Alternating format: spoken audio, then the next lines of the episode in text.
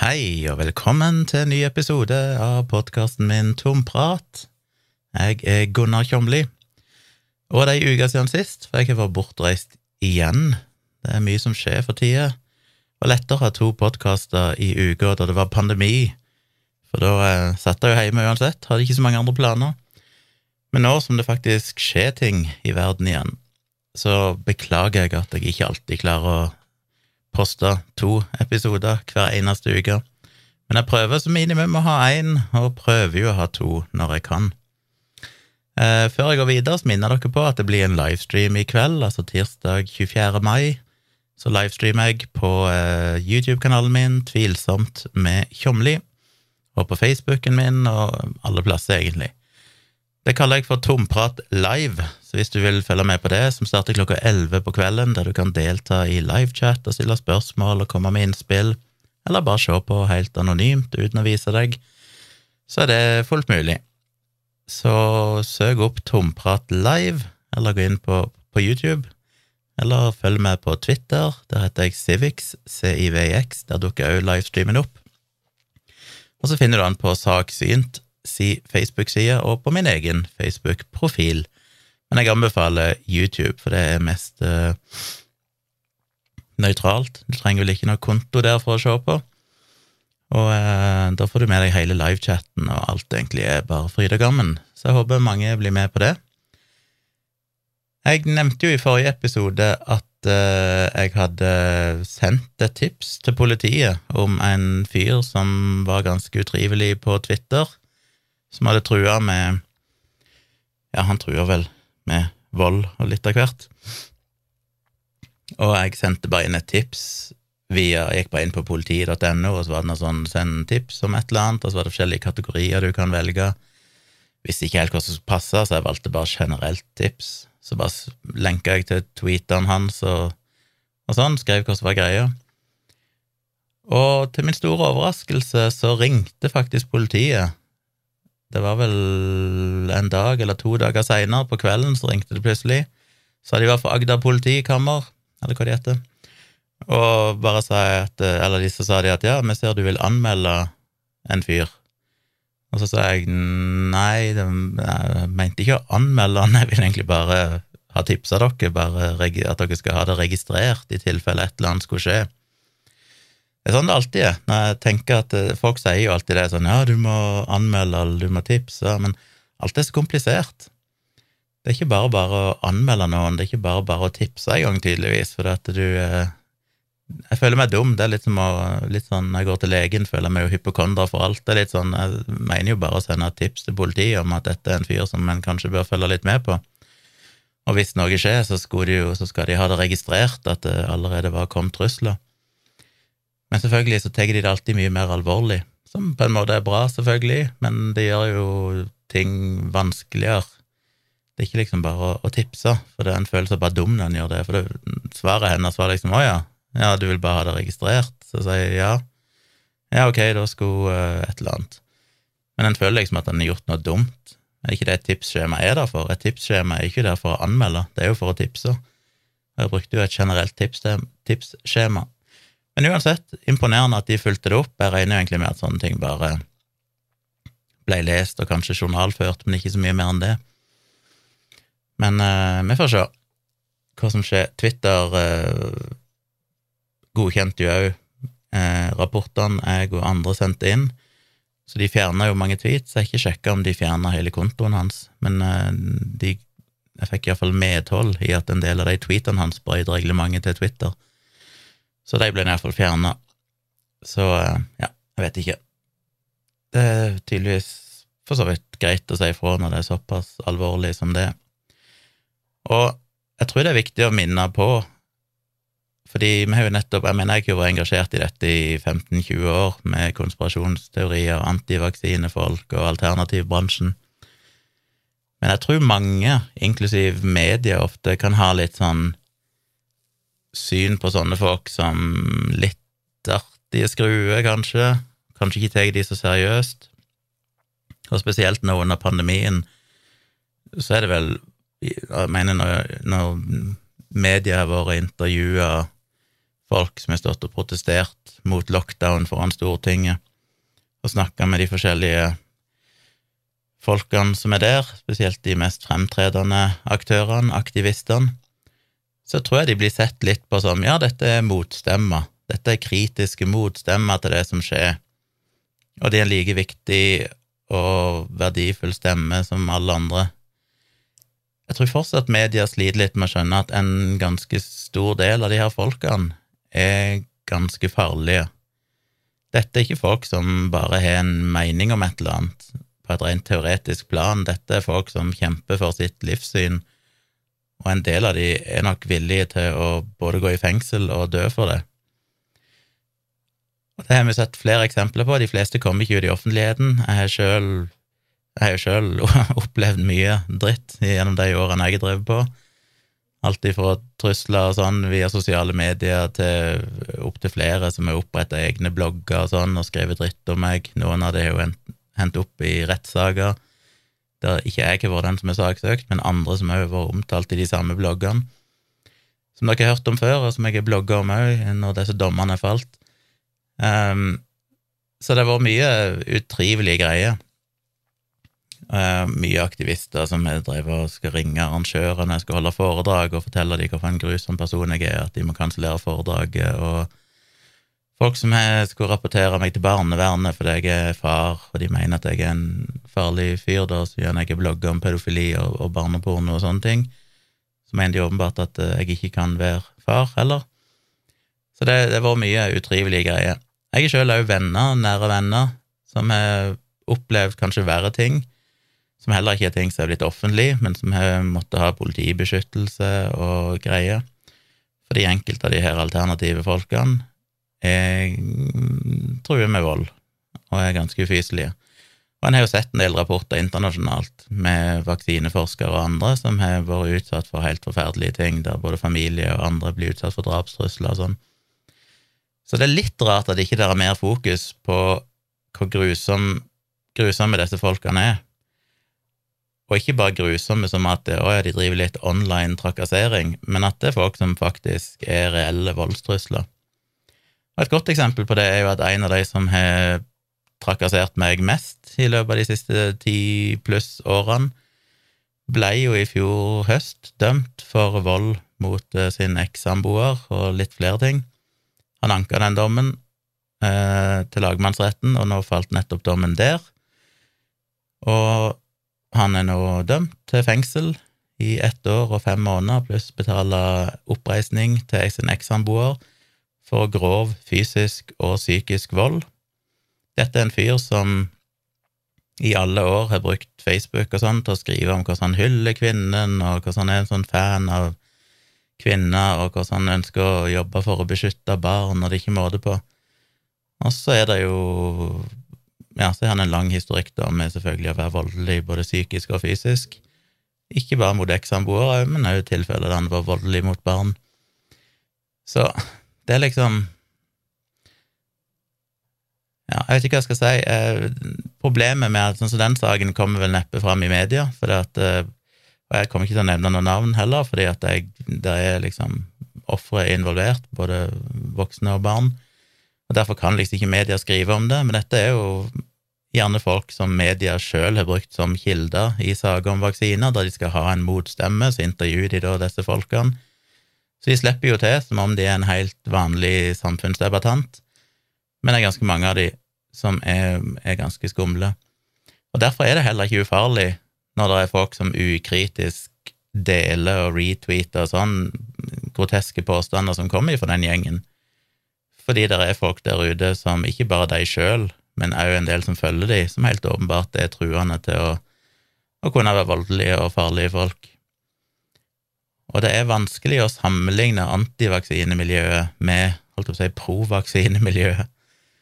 Fordi alle jeg kjenner som er pro-vaksine, er jo folk som argumenterer på nettet, og argumenterer så godt de kan, men jeg tror ikke det finnes et eneste tilfelle av at noen av de har kommet med grove trusler, verken online eller trusler om vold, eller enda mer vært voldelige mot noen av disse. Så det er jo helt klart en spesiell type mennesker som er så rabiat antivaksine. Og igjen, for ordens skyld, Jeg sier ikke at alle som er kritiske til vaksiner, er crazy folk. Det finnes mange som er kritiske til vaksiner fordi de kanskje ikke er godt nok informert, eller ikke egentlig har fulgt debatten helt og bare har hørt et eller annet, og, eller de har en eller annen personlig opplevelse som de mener skyldes vaksiner og sånn. Det er mange av de, men det jeg snakker om, er jo de store aktivistene, de som har, har jobba hardt for dette i sosiale medier og på nettsider og så og jeg kjente ansikter for meg som har fulgt eh, den gjengen en stund. Det er folk som er selv om ikke dommen, disse domfellelsene og de sakene der politiet vært involvert for denne fyren her, som nå ble dømt Han har jo òg tidligere vært dømt for å ha trua offentlige tjenestemenn, og litt av hvert.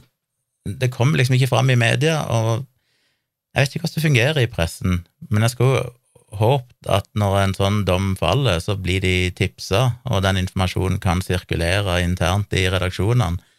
Så selv om ikke de skriver om det av hensyn til offeret, så burde de iallfall være observante på at dette er folk vi ikke lenger omtaler i noen sammenheng. Dette er folk vi heller ikke kommer til å intervjue eller ha med i studio som en motstemme mot vaksiner. Fordi dette er folk som ikke fortjener det. Du kan ikke være, en, være med i samfunnsdebatten hvis du har en voldsdom på deg, mener jeg. Så eh, iallfall ikke om den type tema. Så jeg føler det er verdt å nevne. Jeg håper jo at noen skriver om det i ren sånn skadefryd, for dette er jo en fyr som har plaga meg i alle år. Men eh,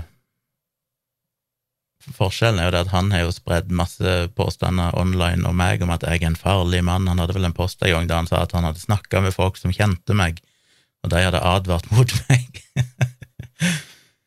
Jeg tror det skal godt gjøres å snakke med noen som helst som kjenner meg, som opplever meg som verken farlig eller truende.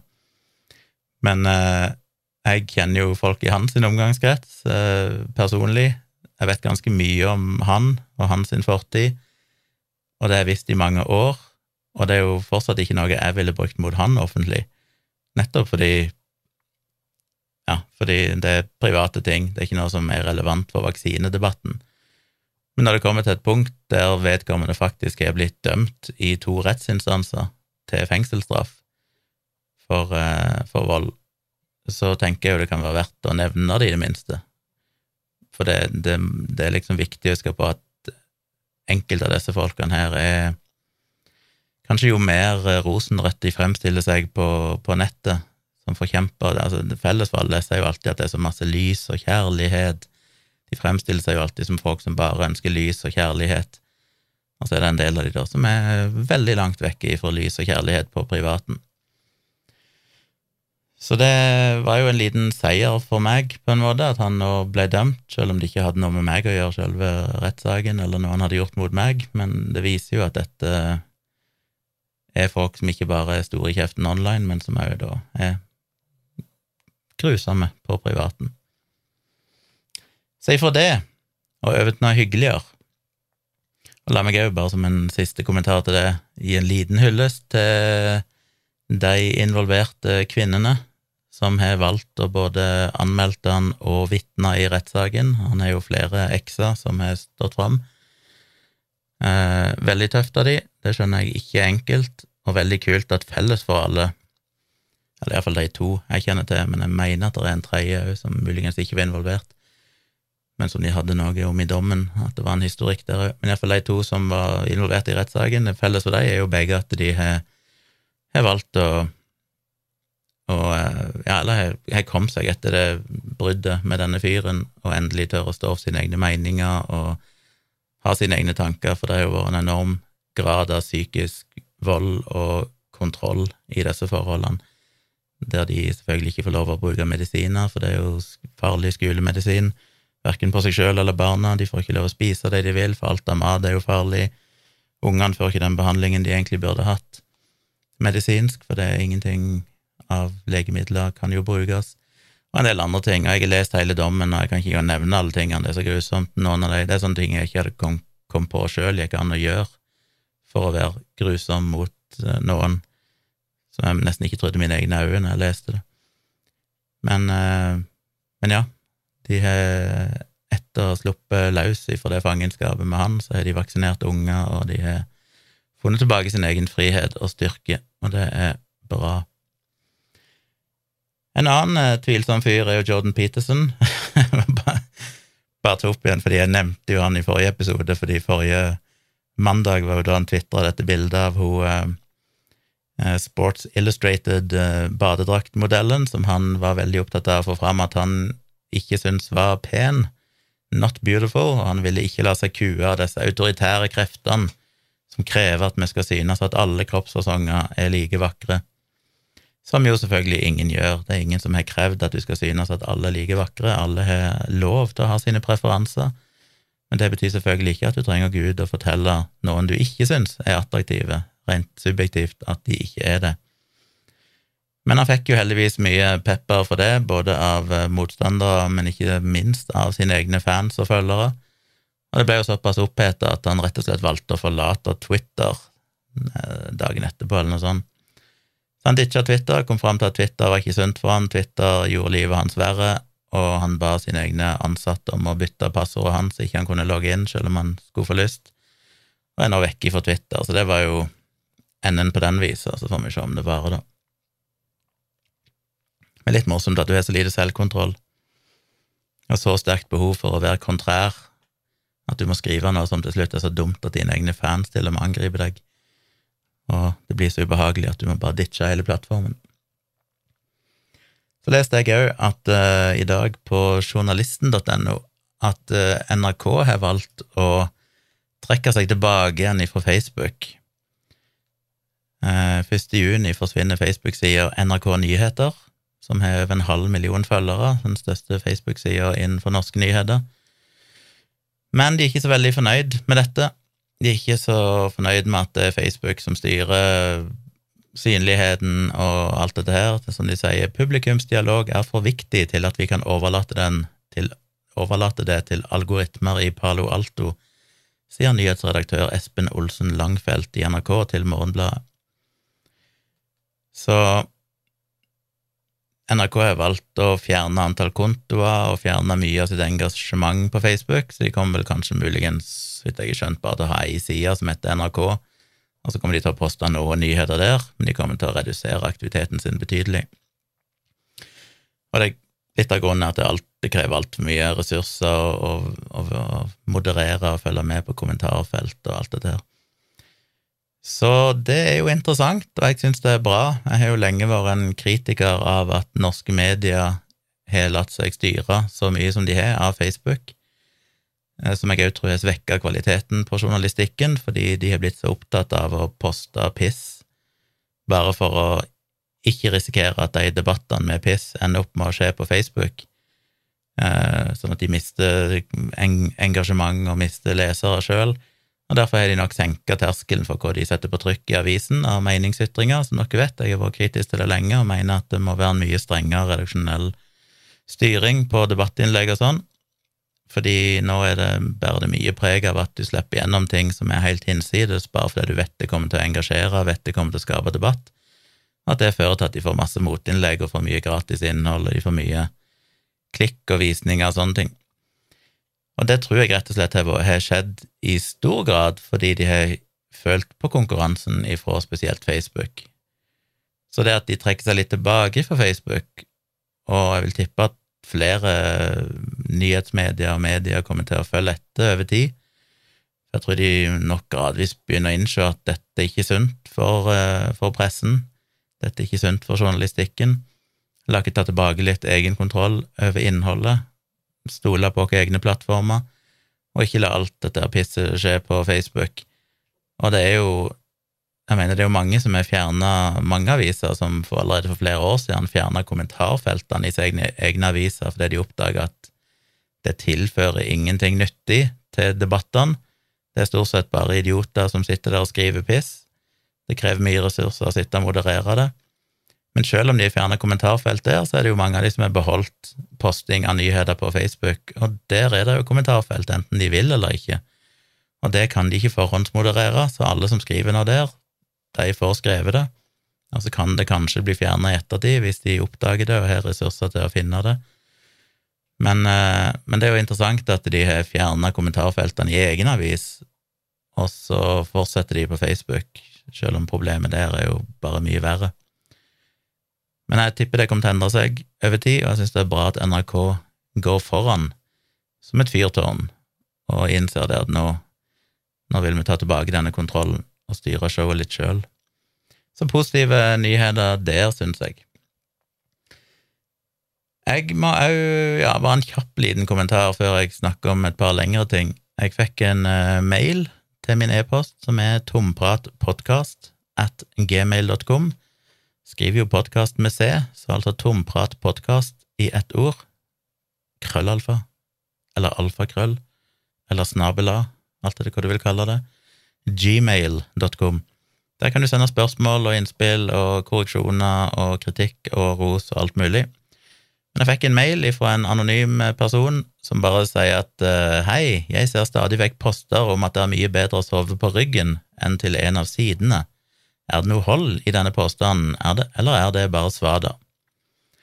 Når ikke jeg researcher det nøye, og litt av grunnen er at den type spørsmål trenger du sjelden å researche nøye. For det første, når du ser den type poster, så kan du i de aller fleste tilfellene anta at det er bare svada. Eh, den type sånn helsetips som skal være på en eller annen måte så sjokkerende enkle og være så relevante for alle i hverdagen, men allikevel bety så mye, er det jo alltid bare piss. Eh, er alltid bare piss, for hvis det virkelig hadde vært noe i det, så er jo, det ting vi hadde hørt fra helsemyndighetene. Da er det ting som hadde vært anbefalinger og sånne ting. Så en kan stort sett anta at hvis det er noe du bare har sett i sosiale medier og aldri har hørt noen snakke om fra Helsedirektoratet eller andre, så kan du nok anta at det er svada. Jeg gjorde et uh, kjapt litteratursøk for å se om det var gjort noen gode studier på det, om det fantes noen systematiske litteraturgjennomganger. Og det fantes noen få, et par fra 2019 og noe sånt. Uh, felles for alle var jo egentlig bare at de sa at det finnes egentlig ikke noe data på dette. Ingen av de kunne konkludere med noen ting, for det, at det, ikke studert godt nok. Selvfølgelig er det spesialtilfeller. Er det folk som sliter veldig med vondt i ryggen, så kan kanskje én liggestilling være bedre enn en annen. Sliter du med sure oppstøt, sliter du med snorking, er du gravid Altså det er spesielle situasjoner der det kan være anbefalt å ligge på ryggen heller enn å ligge på sida, eller å ligge på sida heller enn å ligge på ryggen. Så det er veldig sjelden noen anbefaler å ligge på magen. Men hvis det er sånn du sover best, så er det sånn du sover best, og hvis ikke du er plaga av det, så sov for all del på magen. Og Det er jo litt sånn det er med disse tingene. Det er litt sånn, det er jo ikke, en, det er ikke sånn at alle mennesker er like, og derfor så bør alle sove på én måte. Stort sett så forteller kroppen deg, din deg om du sover riktig eller ikke. Hvis du plages mye når du våkner opp med vondt i ryggen eller et eller annet, eller sur oppstøt, ja, så kan det kanskje være lurt for deg å prøve å sove i en annen stilling. Generelt sett er jo ikke det så lett, fordi at uansett hvilken stilling du sovner i, så er det en tendens til å snu deg og vende på deg i løpet av natta, så jeg skjønner ikke helt hvordan du kan kontrollere det, med mindre du går til, til hardere til verks og bygger opp en støtte ved hjelp av pute eller et eller annet, sånn at det er vanskelig å snu seg. Og... Men generelt sett så, så, så forteller jo kroppen din deg det. Det er jo litt det samme som alle de mytene vi har hatt i alle år om hvordan du skal løfte tunge ting, at du må løfte ved å bøye knærne og sånne ting, må aldri løfte med ryggen og sånn, alt det er jo egentlig blitt avvist som vås i nyere tid. Sammen med sittestilling, er ideen om hvordan du skal sitte i stolen din, i kontorstolen, som vi alltid har lært om, alltid tenkt at å, eh, du har en dårlig holdning, du har en dårlig sittestilling, det kommer til å vondt i ryggen. Alt det har jo egentlig vist seg å bare være tull. Eh, sitt sånn som det er komfortabelt på deg Kroppen vil stort sett sjøl finne en stilling som, opp, som er optimal, komfortabel. Eh, og har du problemer, ja, så kanskje du bare prøver å, å, endre stilling. Men det er ikke noe sånn one size fits all. Alle kropper er forskjellige, alle har sin eh, biologiske historikk med skader og belastninger og sånn, så det er vanskelig å, å si at noen ting er rett og feil. Så alt i alt, det er iallfall ikke noe god vitenskapelig evidens for at det sånn på generelt grunnlag er bedre å sove på ryggen enn på sida. Går en inn og studerer det, så kan noen, noen plasser si de kanskje at det er bedre å sove på høyre side enn på venstre hvis du først skal sove på sida, fordi hvis du sover på venstre side, så får du litt mer press på hjertet ditt. Men det er sånn, jeg tviler på det er noen særlig betydning for folk flest. Eh, det er sånn, ja, teoretisk sett så er det kanskje sånn, men det er neppe noe problem. Så sover du på magen, så kan det gå litt utover huden fordi du ligger med ansiktet ned i puta, kanskje du kan slite med dårligere hud. Sover du på ryggen, er det kanskje større sjanse for snorking og for sure oppstøt. Men igjen, finn det som passer deg. Sover du bra, så sover du bra. Det er ikke noe rett eller galt der. Og det er en generelle tipset mitt til de fleste sånne type helseråd som du ser på nettet. Som regel så kommer de fra folk som enten har noe å selge, at de skal selge madrasser eller puter eller et eller annet sånt, eller så kommer de fra en av disse 18 millionene med Facebook-sider og sosiale mediekontoer sånn, som skal komme med sånn pop science, sånne ting som høres vitenskapelig ut, med, med ting som 'Å, visste du dette?' Og så er det enten bare basert på en eller annen random liten studie som egentlig ikke beviser noe som helst, men som høres interessant ut, og så er det viktig for, for å få engagement og skrive masse spennende vitenskapsnytt, uansett hvor dårlig nytt det er. Uh, ja, eller det, det er mye av det. Altfor mye av det. Stort sett være kritisk. Og det høres jo nesten litt vondt å si det, men sannheten er jo at til syvende og sist, de beste helserådene, de får du jo faktisk for de tunge, etablerte fagmiljøene som i praksis vil være I Norge vil jo være Helsedirektoratet, er det vel? eller FHI, altså de myndighetene sine organer for å komme med, med vitenskapelige råd om helse, de går gjennom forskningen jevnlig på mye av disse tingene. Eh, det er klart jeg tviler på at noen av de kanskje engasjerte seg mye i akkurat sovestilling, men hvis det var et utbredt problem, så ville du nok ha hørt om det. Så heller enn å stole på enkeltstudier og sosiale medier og sånn, så er for eksempel ernæringsråd og sånn, det bør du ta ifra bør du ta ifra helsemyndighetene, og ikke så mange andre plasser. Men nok om det. Over til et par hovedtema. Det første, før jeg går videre til noe litt mer eh, vitenskapelig, kanskje, så må jeg jo komme med en liten rapport om dagene som har vært, fordi jeg har jo vært og tatt bilder i mitt første bryllup, helt alene. Eller ikke alene, men som hovedfotograf. Jeg har jo, som noen av dere vet, tatt bilder i to bryllup før, i Bergen, men da var jeg bare assistentfotograf for uh, Cecilie Bannow, ei venninne av meg som er en veldig flink fotograf. Jeg spurte henne om jeg kunne være med for å lære litt, og det var hun snill nok til å si ja til, så da var jeg med på det. For uh, ja, hvor lenge siden er det? To-tre år siden. Men så fant jeg ut at jeg skulle være modig nok til å begynne å prøve meg som bryllupsfotograf sjøl i tillegg til at jeg var med i de to bryllupene som assistentfotograf, så har jeg jo sett sikkert hundrevis av timer med YouTube-videoer. Eh, noen av de varer kanskje to timer, er sånn eh, full, eller kanskje mer òg av og til, der noen basically filmer hele dagen. De tar bilder i bryllup. Eh, selvfølgelig redigert litt, og sånn at det kommer ned i to-tre timer, men der du får se hvordan de tar bilder på forberedelser, hvordan de tar bilder under vielsen, Eh, parbilder, middag, fest, alt det der. Så jeg har sett mye av de, og mye korte videoer som anbefaler hvilket utstyr bør du ha, hvordan gjør du spesifikke bilder eh, i forskjellige settinger, alt det der.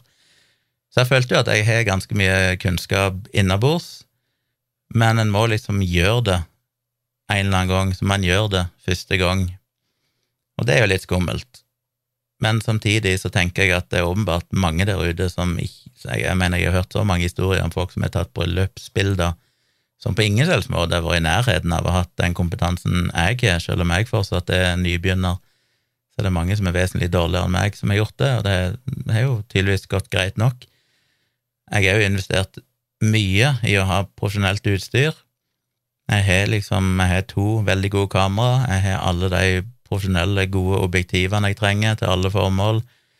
Jeg har alt ifra reindeksler til kameraene, til alt av lys og reflektorer, dobbelt opp av alt, blitser, softboxer, stativer, LED-lys, eh, flere minnekort, batterier, og jeg har backup av alt, sånn at jeg, alle bildene jeg har to eh, minnekort i hvert kamera, sånn alle bildene blir lagra på to kort samtidig. I tilfelle ene kortet skulle feile, så har jeg en backup på det andre. Så snart jeg har tatt bildene, så importerer jeg de to plasser, sånn at de ligger lagra i tillegg til minnekortene, så lagres de to andre plasser på datamaskin og eksterndisk. Så da har jeg fire kopier av alle bildene. Og i tillegg, når jeg kommer hjem, så blir det backa opp igjen, både til en ekstern disk og til clouden. Så jeg har liksom kopi av kopi av kopi av kopi, og backup, som sagt, av det tekniske utstyret òg, dobbelt opp av kamera og ekstra batterier og alt mulig sånn. Og det koster mye penger, jeg har investert mye i det, men det er jo fordi at når jeg skal gjøre en så viktig jobb som det å ta bilder på den store dagen til et par, som du ikke kan ha råd til å fucke opp, så må du ha alt under kontroll. Så jeg ble booka for ganske lenge siden av et veldig hyggelig par som ønska å bruke meg. De hadde sett bildene mine på nettsida mi, på foto.tjomli.com. Likte de veldig godt, og det syntes jeg jo var utrolig moro. Og de skulle da gifte seg. De er utsatt bryllupet to ganger av pandemi, men nå fikk de endelig gjennomført det. Skulle vel egentlig gifte seg i 2020, tror jeg, første gang, og så var det 20 Altså var det tidligere i år, og så ble det utsatt til nå. Eh, det var på Geilo, så som dere vet, så kjørte meg og Tone inn til Oslo dagen før, sånn at hun kunne henge i hybelen noe i Oslo, mens jeg da kjørte videre til Geilo dagen etterpå. Fikk med meg ei venninne som òg er fotograf, som òg skal ta noen bryllupsbilder av ei venninne av seg som skal gifte seg seinere i sommer. Hun har ikke noe erfaring, hun er litt mer low-key, hun eh, vet ikke om hun gjør det, hun får kanskje litt betalt, men det er litt mer sånn vennetjeneste. Men hun hadde lyst til å, å, lære litt, så hun ville være assistenten min, pluss at det hjelper meg veldig å ha med en assistent som kan hjelpe meg med å holde blits, holde reflektor og sånne ting. Så vi kjørte oppover til Geilo på fredagen, møtte brudeparet, eh, bodde på Bardøla høyfjellshotell. Der hadde jo de ordna romtokk og alt mulig sånn. Vi fikk spist i restauranten, og Satt egentlig bare chilla på kvelden og koste dere. Dagen etterpå var det å stå opp, kle seg i finstasen, hadde jo med meg dress og sånn. Eh, Passa på at jeg hadde med meg alt det utstyret jeg trengte der og da. Inn til bruden, ta bilde av at hun ble sminka og fikk håret satt opp og sånn. Inn til brudgommen, ta litt bilde av han. Han var i, sånn ei hytte litt bortenfor hotellet, der han og noen kompiser hadde overnatta og festa litt dagen før. Og så var det jo å reise til kirka, så var det å forberede seg der, og da føler meg jo litt badass, for da har jeg på sånn dobbel kamerasele, sånn at jeg har ett kamera hengende på hver side av kroppen min med forskjellige objektiver.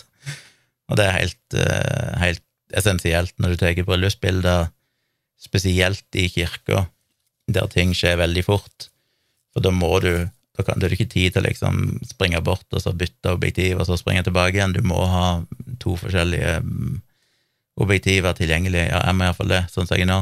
Med mindre du bruker ei zoom-linse, da, men det vil ikke jeg bruke. Jeg bruker faste objektiver nå. Så jeg hadde en 35 mm på ene sida, en 85 mm på andre sida, og tok masse, masse bilder.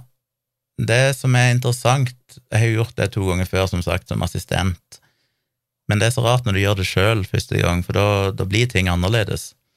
Når jeg var assistent, var det jo hos Cecilie som tok bildene. Jeg trengte jo egentlig bare holde meg litt mer i bakgrunnen. Det var ikke så kritisk at jeg fikk de viktige bildene, og de fleste viktige bildene kunne jeg ikke ta, for jeg kunne ikke stå på riktig posisjon.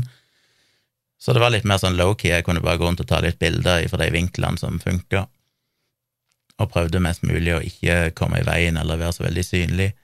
Men når jeg plutselig er hovedfotograf, så må jeg jo ta litt plass, plutselig. Og da oppdager en plutselig sånne ting som en kanskje ikke har tenkt på før en står midt i situasjonen. Det vil si, jeg hadde tenkt på det, men jeg, jeg visste ikke helt hvordan jeg skulle håndtere det før jeg sto der. Og det er jo sånn, men hvor, hvor i denne kirka kan jeg bevege meg? Eh, veldig sånn moderne kulturkirke, så han ser ikke ut som ei tradisjonell kirke, men veldig fancy, flott, helt ny eh, kirke. Eh, hvor, mye, hvor, synlig kan jeg være? Jeg hadde jo vært inne både dagen før, for da hadde vi en liten omvisning med, med, bruden for å se kirka og se de plassene vi skulle ta bilder dagen etterpå. Så jeg kjente jo layouten i kirka, visste hvor jeg fysisk kunne bevege meg hen og sånn. Men allikevel er det noe annet når du plutselig står der, for da føler du plutselig at du er så synlig. Jeg vil jo helst ikke være i midtgangen mer enn det jeg absolutt må, stort sett bare når bruden kommer inn oppe midtgangen, og når de skal gå ut igjen, og under selve ekteskapsinngåelsen, og de setter på ring og kysser og sånn. Men utenom det så prøver jeg å holde meg litt usynlig ute på sidene. Men allikevel så følte jeg hele tiden sånn at åh, er jeg for synlig nå, går jeg for langt fram, er det plagsomt at folk hører klikkinga fra kameraet mitt? Jeg kan i teorien ha kamera i sånn stillemodus der det ikke lager lyd, men da kan du få problemer hvis det er flimmer i lysene i taket, eller hvis det er raske bevegelser og sånn, så kan du få rare artifakter i bildene. Og det er ikke en risiko jeg er villig til å ta. Jeg tok noen testbilder i, i stillemodus før hvilelsen begynte, og sjekka at det så ut til å funke greit. Det så ut til at lysene påvirka bildene. Men jeg føler meg ikke 100 sikker nok til at det vil funke. Jeg kan ikke risikere at jeg kommer tilbake igjen etter hvilelsen, og så ser jeg at oi, shit, her er jo ikke bildene helt som de skal være. Så jeg eh, bruker mekanisk lukker, holdt jeg på å si, eh, for at eh, ikke de problemene skal oppstå, men da får du jo den mekaniske klikkinga hver gang jeg tar et bilde. Det føles jo veldig hørbart for meg, sikkert ikke så hørbart for folk som sitter et stykke unna. Men ja, det var interessant. Men jeg er fornøyd med at jeg tror jeg fikk bilde, eller jeg vet jeg fikk bilde av alt det som var viktig. Eh, eneste stressende situasjonen, eller to stressende situasjoner. Det ene var jo akkurat når bruden skal komme inn med, med far sin opp midtgangen. Så skal jeg jo både ta bilder av at brudgommen, som da allerede sitter oppe ved alteret på en stol, ser bruden for første gang i brudekjole og sånn, og fanger reaksjonen hans. Og samtidig så begynner jo de å gå oppover midtgangen, så jeg har dårlig tid, så jeg må både i sånn full fart prøve å få knipsa noen reaksjoner ifra han, og så har jeg egentlig lyst til å fortsette å knipse han, for da begynner jo han kanskje å grine, eller Men så rekker jeg ikke helt det, for jeg må samtidig òg komme meg ut i midtgangen, så jeg kan ta bilde av bruden som kommer oppover mot alteret. Så det er en sånn eh, tricky greie som jeg ikke var helt forberedt på. Jeg hadde ikke tenkt på det, at jeg, fuck, det jeg må jo klare å ta bilde av begge de to tingene. Men da vet jeg det til neste gang, og det funka denne gangen òg. Jeg tror jeg fikk gode bilder av begge deler. Eh, og så var det en gang helt på slutten, når de skulle sette på ringen eller ringene, så plutselig så fant det ene kameraet mitt ut at uh, han ikke skulle vise displayet. Så jeg måtte i full fart skru av kameraet, og så skru det på igjen, så det fikk reboote. Uh, men heldigvis så rakk jeg å få knipsa bilder av at de satte på ringene allikevel, men da var jeg litt stressa. Jeg tenkte oh, fuck, fuck, fuck, ikke tid til, ikke tid til en, en, feil nå. Heldigvis det, var det på det nyeste kameraet mitt, og det rebooter veldig fort, i motsetning til backup-kamera som bruker noen flere sekunder på å starte opp. Så men det funka. Og så, når brudeparet går ut etterpå, så springer jeg ned midtgangen eh, baklengs, eller går baklengs mens jeg knipser bilder av de går hånd i hånd nedover midtgangen ut av kirka. Og det òg skjer overraskende fort. Eh, når du skal ta bilder av noen i veldig dårlig lys, og de beveger seg hele tida, så er det tricky å klare å naile fokus hele veien. Men eh, jeg tror jeg fikk nok bilder av de der òg, så det tror jeg var vellykka. Og så etterpå så var det jo bildene, ja, så kom jo folk ut og gratulerte de og sånn, tok litt bilder av det, og så kjørte vi bort på noe som heter for Geilojordet, der vi skulle ta gruppebilder av brudeparet med forlovere og familie og alt mulig sånn. Det, det, var da liksom egentlig det jeg grudde meg begynte. Grudde meg til jeg begynte, for da legger de Alt før det er jo egentlig bare dokumentarisk, da er det ikke jeg som styrer noen ting, jeg bare tar bilder av det som skjer. Men på det tidspunktet så skal jeg plutselig begynne å kontrollere ting, og, og da begynner de å spørre meg sånn ja, hvor vil du vi skal stå, hvor bør vi være hen, hvordan skal vi eh, stille oss opp, du må plassere oss. Oh, da blir jeg stressa, for det er sånn men ja, mm, tenke fort, hvordan, hva er det egentlig som er best her? Heldigvis så var det jo egentlig dårlig vær. Eh, trist for brudeparet på et vis, og det var strålende sol dagen før. Når vi kjørte opp på fredagen, så var det jo så idyllisk. Og så begynte det å pøsregne på natta, og på lørdagen når vielsen var, så var det jo grått hele dagen, og hele tida så drypte det litt regn. Det var heldigvis ikke noe pøsregn, men det var sånn småregn hele tida. Og på søndagen så var det fint vær igjen, så de fikk liksom den ene dagen med dårlig vær. Fordelen med det er at det er veldig fint lys. Lyset var jo veldig mjukt og fint. Det er mye mer tricky hvis det er strålende sol, for da får du harde skygger og og sånn i ansiktet og sånn, hvis ikke du plasserer de riktig, så det kan være tricky. Så lyset var jo helt perfekt når jeg så på de gruppebildene etterpå, de ser jo ut som de er profesjonelt lyssatt, hele gjengen. Veldig fint og mjukt lys. Men litt stressa over at jeg skal plutselig liksom administrere hele gjengen spesielt. Ikke fordi det er så vanskelig å, å liksom si hvordan de skal stå, og sånn, men det er mer at jeg får så prestasjonsangst, for jeg føler at alle som står der, forventer at jeg skal være så profesjonell, og så egentlig så tenker jeg sånn, ja, men jeg vet ikke helt hvordan jeg skal gjøre dette. Men jeg fikk tatt bilder, og de ble egentlig veldig bra. Jeg har sett gjennom de, og til og med på bildene der det var ganske mye folk, så har jeg klart å knipse bilder der ingen blunker. Så det er bra. Så i alle de forskjellige gruppene jeg tok bilde av, så finnes det minst ett bra bilde der ingen blunker eller ser vekk, eller noen ting sånn, så da har jeg liksom safa det, og det er bra. Så det er i boks. Og så skulle vi kjøre opp på fjellet, langt oppe i Gokk, til høyfjellet, og ta parbildene, og det grudde jeg meg jo aller mest til, for da må jeg virkelig ta kontrollen. Så vi kom opp der, Eh, igjen, det var ikke spesielt fint vær. Det er jo en nydelig landskap, men det er jo for tidlig på året, for det ligger ganske høyt, så det var ikke noe løv på trærne og sånn. Det er stort sett bart, men det er et og annet bjørketre og sånn. Men alt var jo som om det skulle være vinter, liksom. Så det var jo egentlig ingen farger der oppe i noe særlig grad. Med veldig fin bakgrunn, for i bakgrunnen så er det noen fine snødekte fjell og sånn, men de var jo òg stort sett dekka av skyer, så det var ikke den helt store utsikten. Og så blir det litt sånn flatt, kanskje, fordi det er ikke noen eh, konturer. Men vi hadde jo vært oppe der dagen før og kikka, og da sprang jeg litt rundt mens de andre venta i bilen, og bare saumfarte området litt og prøvde å finne liksom, er det et eller annet tre her som ser fint ut, er det en haug, er det noen farger, er det et eller annet, hva er bakgrunnen? Så jeg hadde pekt meg ut et par plasser mentalt, men jeg blir så stressa med en gang det er sånn, ok, hva skal vi gjøre, hvor skal vi stå hen? Og jeg må bare øh, øh, stå her. Stå sånn. Og så er jo ikke jeg Det er jo sånn en lærer med tida, men alle de der små detaljene med når, når da forloveren og sånn begynner å spørre meg ja, hvor skal brudesløret ligge hen?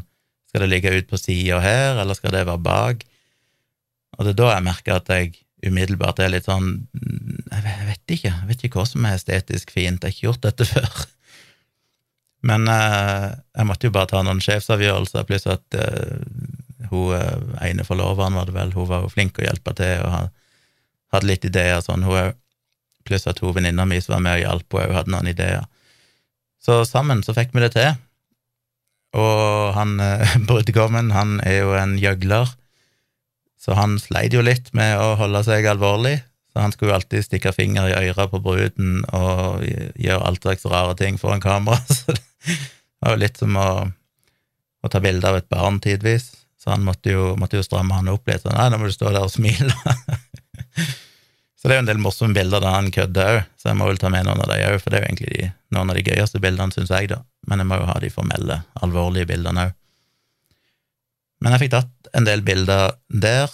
Jeg, jeg, tenkte jo bare sånn at jeg må safe først, så jeg tok liksom de der safe bildene. Jeg må ha de safe parbildene, sånn at de iallfall er i boks. Og så var jo heldigvis hun venninna mi med, så hadde, en, hadde, jeg med en sånn håndholdt softbox med blits i, som hun da sto og holdt i forskjellige vinkler, så nærme hun kom de og sånn.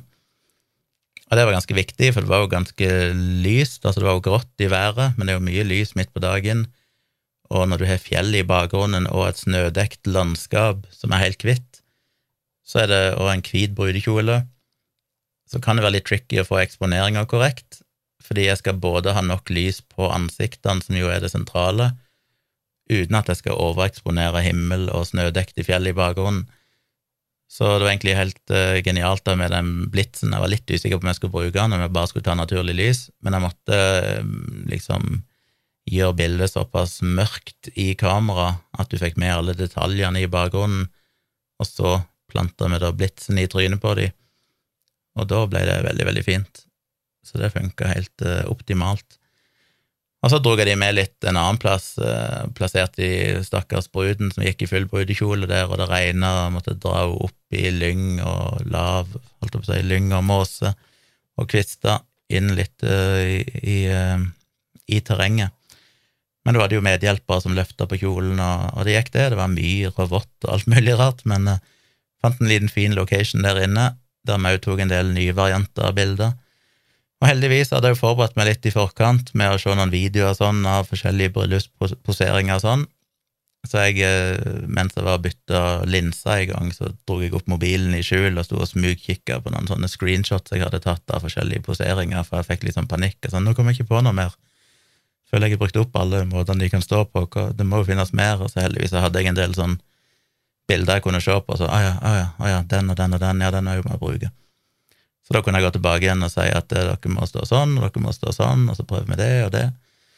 Så det funka bra. Og det er jo sånn som jeg lærer meg etter hvert, at jeg har det på automatikk, men sånn de første gangene så må jeg liksom ha noen eh, juksenotater, alt jeg på å si, som kan minne meg på det.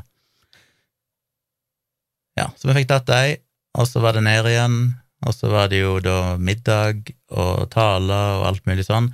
Jeg var jo booka inn eh, i ti timer, så da ti timer var gått, så hadde jeg Ja, når vi kom inn i festsalen der, så måtte jeg jo gjøre noe greier som jeg heller ikke har gjort før, og det var å montere blitser på stativ for å lyse opp rommet når jeg tok bilder. Så jeg eksperimenterte litt med det, men det funka fint. Så var jeg rundt og bare tok masse bilder av bordene og detaljer og gjester og sånne ting. Og etter hvert som de holdt taler, så sprang jeg inn og tok bilder av dem, mens meg og hun, assistenten min satt på et siderom egentlig mesteparten av tida og fikk litt mat og sånn, og bare venta, hver gang jeg hørte at nå kommer det en ny tale, så sprang jeg inn og, og tok bilder av det. Men jeg hadde jo tatt bilde da av brudens far og mor som holdt tale, og så var det bruden sjøl og brudgommen som holdt tale, og så var egentlig tida mi utløpt. Men jeg kunne ikke stoppa der, fordi da, da når jeg hadde tatt brudens far og mor, så måtte jeg jo nesten få bilder av brudgommens far og mor òg. Så jeg ble en halvtime lenger enn det jeg egentlig skulle, og tok bilde og venta sånn at jeg fikk tatt dem òg, sånn at det ble, holdt jeg på å si eh, uh, Hva heter det At det ble likevekt, for å si det sånn, at begge sidene av uh, familien ble tatt med. Men når det var gjort, så tok vi kvelden. Så da gikk vi og skifta til mer komfortable klær, og så satte vi oss ned i restauranten, og så drakk vi kaffe, meg og assistenten min, og spiste kake. satt bare og koste dere der og prata en stund. Men så gikk vi ut og kjørte en liten tur, bare da vi jo jobba hele dagen, så vi gikk ut i bilen og rett og slett bare kjørte litt rundt og råna rett og slett rundt i Geilo i et par timer. Bare kjørte alle veier som ikke ante hvor førte hen. Bare kjørte i en halvtime eller 20 minutter i én retning, og så snudde jeg og kjørte tilbake igjen, og så kjørte vi 20 minutter i en annen retning, og så, og så hørte vi bare på musikk. Så det var bare sånn, vi prata ikke eller noen ting, vi bare liksom kjørte og hørte musikk, bare for å slappe av, begge to. Og når vi kom tilbake igjen, da, så var det jo full fest på hotellet. Da var det jo eh, virkelig afterparty med skikkelig 80- og 90-tallsmusikk, og det var glitter, og det var blinkende lys, og det var neonlys og selvlysende sko og solbriller og full fest. Og jeg kunne jo ikke la være å ta bilde av det selv om jeg egentlig var ferdig med jobben min. Så jeg måtte jo springe inn på hotellrommet og hente kamera, og så ble jeg stående der inne en eh, ja, vet ikke, 20 minutter eller noe sånt, halvtime, og ta bilder. Og da fikk jeg òg prøvd ut noen sånne teknikker som jeg ikke har gjort før, noe som heter for rear curtain flash, heter det vel, der du basically har lang lukkertid, sånn at når du holder kameraet mot de som danser med sine neonlys og sånn, så blir de dratt ut, så du får sånn streker og sånn og så rett før eksponeringa er ferdig, så blinker blitsen sånn at du fryser bildet, så du får liksom en kombinasjon av eh, mennesker og lys og sånn i fokus, men omgitt av nesten sånn spøkelsesaktige skygger og lys og sånn. Det hadde jeg aldri gjort før, så jeg måtte eksperimentere litt med litt forskjellige lukkertider og sånne ting. Og... men jeg tror noen av de ble ganske kule. De gir jo, Hvis du bare tar bildet rett inn, så blir jo alt veldig statisk. Men har du litt lang lukkertid og sånn, så får du plutselig bevegelse i lysene, du ser streker istedenfor prikker, og, og du får litt mer, du får litt mer følelse av at her er det fest og dansing. Så jeg fikk tatt de bildene òg. Eh, dagen etterpå så sto vi jo opp og pakka og reiste, kjørte tilbake igjen til Oslo. Når jeg kom til Oslo, til hybelen, der Tone og Kaila venta, så måtte jeg jo ja, på kvelden da, på lørdagskvelden så importerte jeg jo alle bildene og sånn, sånn og så kikka jeg bare veldig kjapt igjennom, bare scrolla gjennom alle thumbnailene, bare for å sjekke liksom at ok, har jeg jeg alt? Eh, det er ikke noen viktige bilder som er åpenbart fucka opp fordi det plutselig var en regndråpe på objektivet, eller et eller annet sånt. Men jeg, jeg fikk liksom bare roen på at ok, jeg har alt, med masse backuper. Da jeg kom tilbake til Oslo, så fant jeg ut at jeg ville skrive en liten hilsen til brudeparet, bare sånn takk for meg, og hyggelig, og eh, fantastisk å være til stede, og alt mulig sånn. Og så hadde jeg lyst til å sende dem en liten forsmak, så jeg redigerte kjapt to av parbildene to av no, liksom, de som jeg sånn umiddelbart syntes var noen av de fineste. De bare redigerte jeg på laptopen i full fart, og så sendte de de, bare som en sånn her er en bitte liten forsmak. Jeg har jo egentlig fire uker på meg til å levere bildene, og det tar jo tid, for det er mye bilder, og jeg er jo ikke helt sikker på hvordan jeg skal redigere de ennå. Så jeg skrev jo det at det kan jo være at de bildene dere får seinere, har en litt annen stil enn disse, men, men her er iallfall en forsmak. Og det var litt òg fordi jeg trengte å bare få en jeg hadde liksom håp om å få en positiv tilbakemelding, bare for å få litt selvtillit, for jeg var jo livredd for at de ikke skulle være fornøyd. Men heldigvis så fikk jeg veldig positiv tilbakemelding. De syntes bildene var superbra og gleda seg til å få resten, og ville dele de sosiale medier, de bildene jeg hadde sendt dem med en gang. Så det var jo veldig hyggelig, og det gir meg jo litt roen, for da er det sånn, ok, da, da har de Ja, da, er, da, er de nok, da blir de nok fornøyd med resten av bildene òg. Så i kveld eh, altså kjørte vi hjem da til Vennesla på søndagskveld. Vi skulle egentlig overnatte til mandag og kjøre hjem på mandagen, men så fant jeg ut at eh, vi reiser like godt bare hjem i kveld. Så det ble jo mye kjøring på meg. Jeg kjørte jo fra Geilo til Oslo, og så hadde jeg et par timers pause der, og så kjørte vi fra Oslo til Vennesla. Så jeg kjørte jo i åtte-ni timer den dagen. Men det var egentlig godt å komme hjem. Og så i dag etter jobb så har jeg sittet og gått gjennom bildene. Jeg endte jo opp på ca. litt over 2500 bilder. 2510 bilder, tror jeg det ble. Så nå sitter jeg og har første gjennomgang, der jeg bare går gjennom bildene og gir ei stjerne til alle bildene som jeg ser er brukbare, uten å være så veldig kritisk. Jeg har kommet gjennom halvparten av de. Når jeg har gjort det, så er jeg veldig spent på hvor mange bilder som har fått én stjerne. Jeg har liksom ikke noe begrep nå om jeg ender opp med at 50 eh, av bildene ikke har fått stjerner, eller om bare 20% av de Så jeg vet ikke hvor mange jeg sitter igjen med. Men jeg skal jo, ifølge avtalen, skal jeg levere minst 500 bilder. De kommer nok til å få mye mer, kjenner jeg meg sjøl rett. Men, eh, men, ja. Så jeg eh, pløyd gjennom og gleder meg til å pløye gjennom. Og når jeg sitter og ser gjennom de nå, så tenker jeg bare sånn Oi, shit, det, det bildet ble bra. Å, det bildet ble bra. Så jeg tror det er mye bra bilder der, og det er jeg fornøyd med. Og nå ser jeg jo bare på de uredigerte, så jeg gleder meg jo enda mer til jeg faktisk får redigert de. Så jeg tror jeg kommer til å bli fornøyd. Jeg tror brudeparet kommer til å bli veldig fornøyd. Gleder meg til jeg er fullført de og skal få lasta de opp i et eh, galleri til de og sånn. Da regner jeg med dere òg kan se noen av de, hvis dere vil.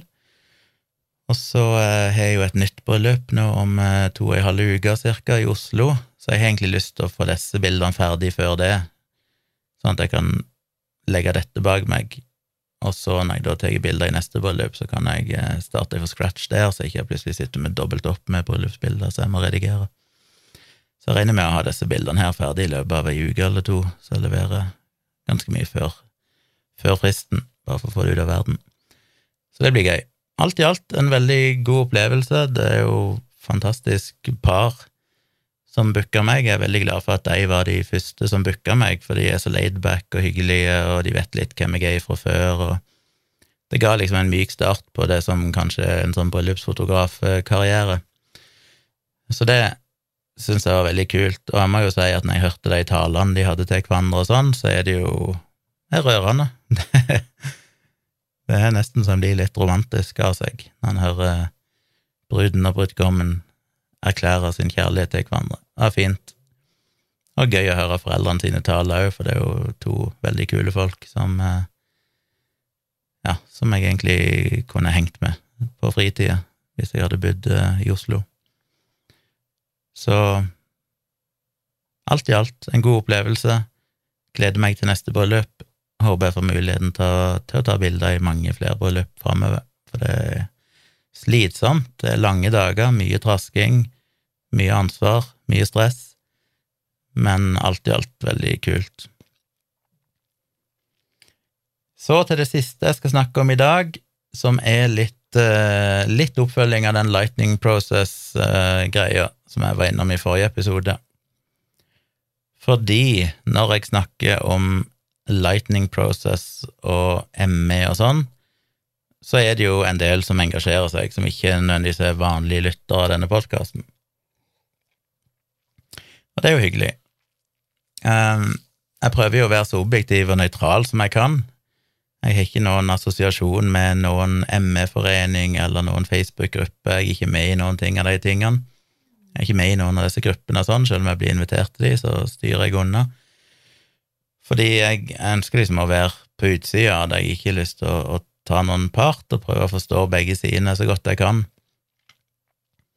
Um, men jeg fikk en uh, liste med spørsmål på Twitter med ei, tror jeg det var, vet ikke hvem det er, som hadde skrevet sju spørsmål som hun ville ha svar på.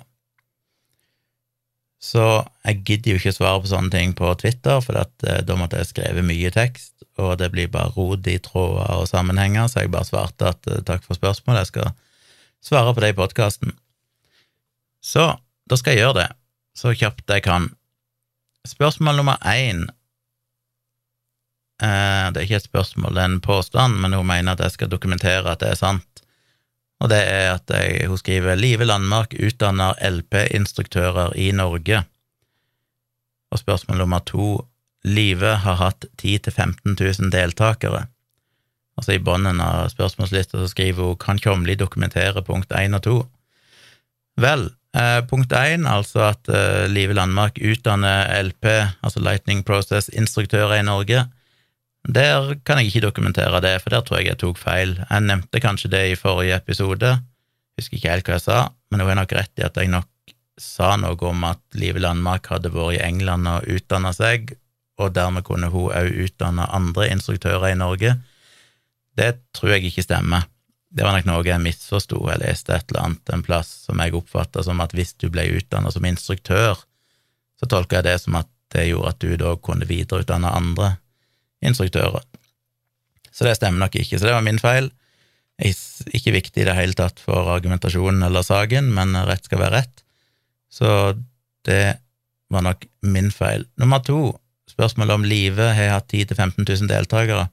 Jeg sa vel det i forrige episode at hun Jeg vet ikke om jeg spesifikt sa at i Landmark er det, men at flere tusen pasienter har eller 10, et sted mellom 10 og 15 000 pasienter kanskje har gått på Lightning Process i Norge.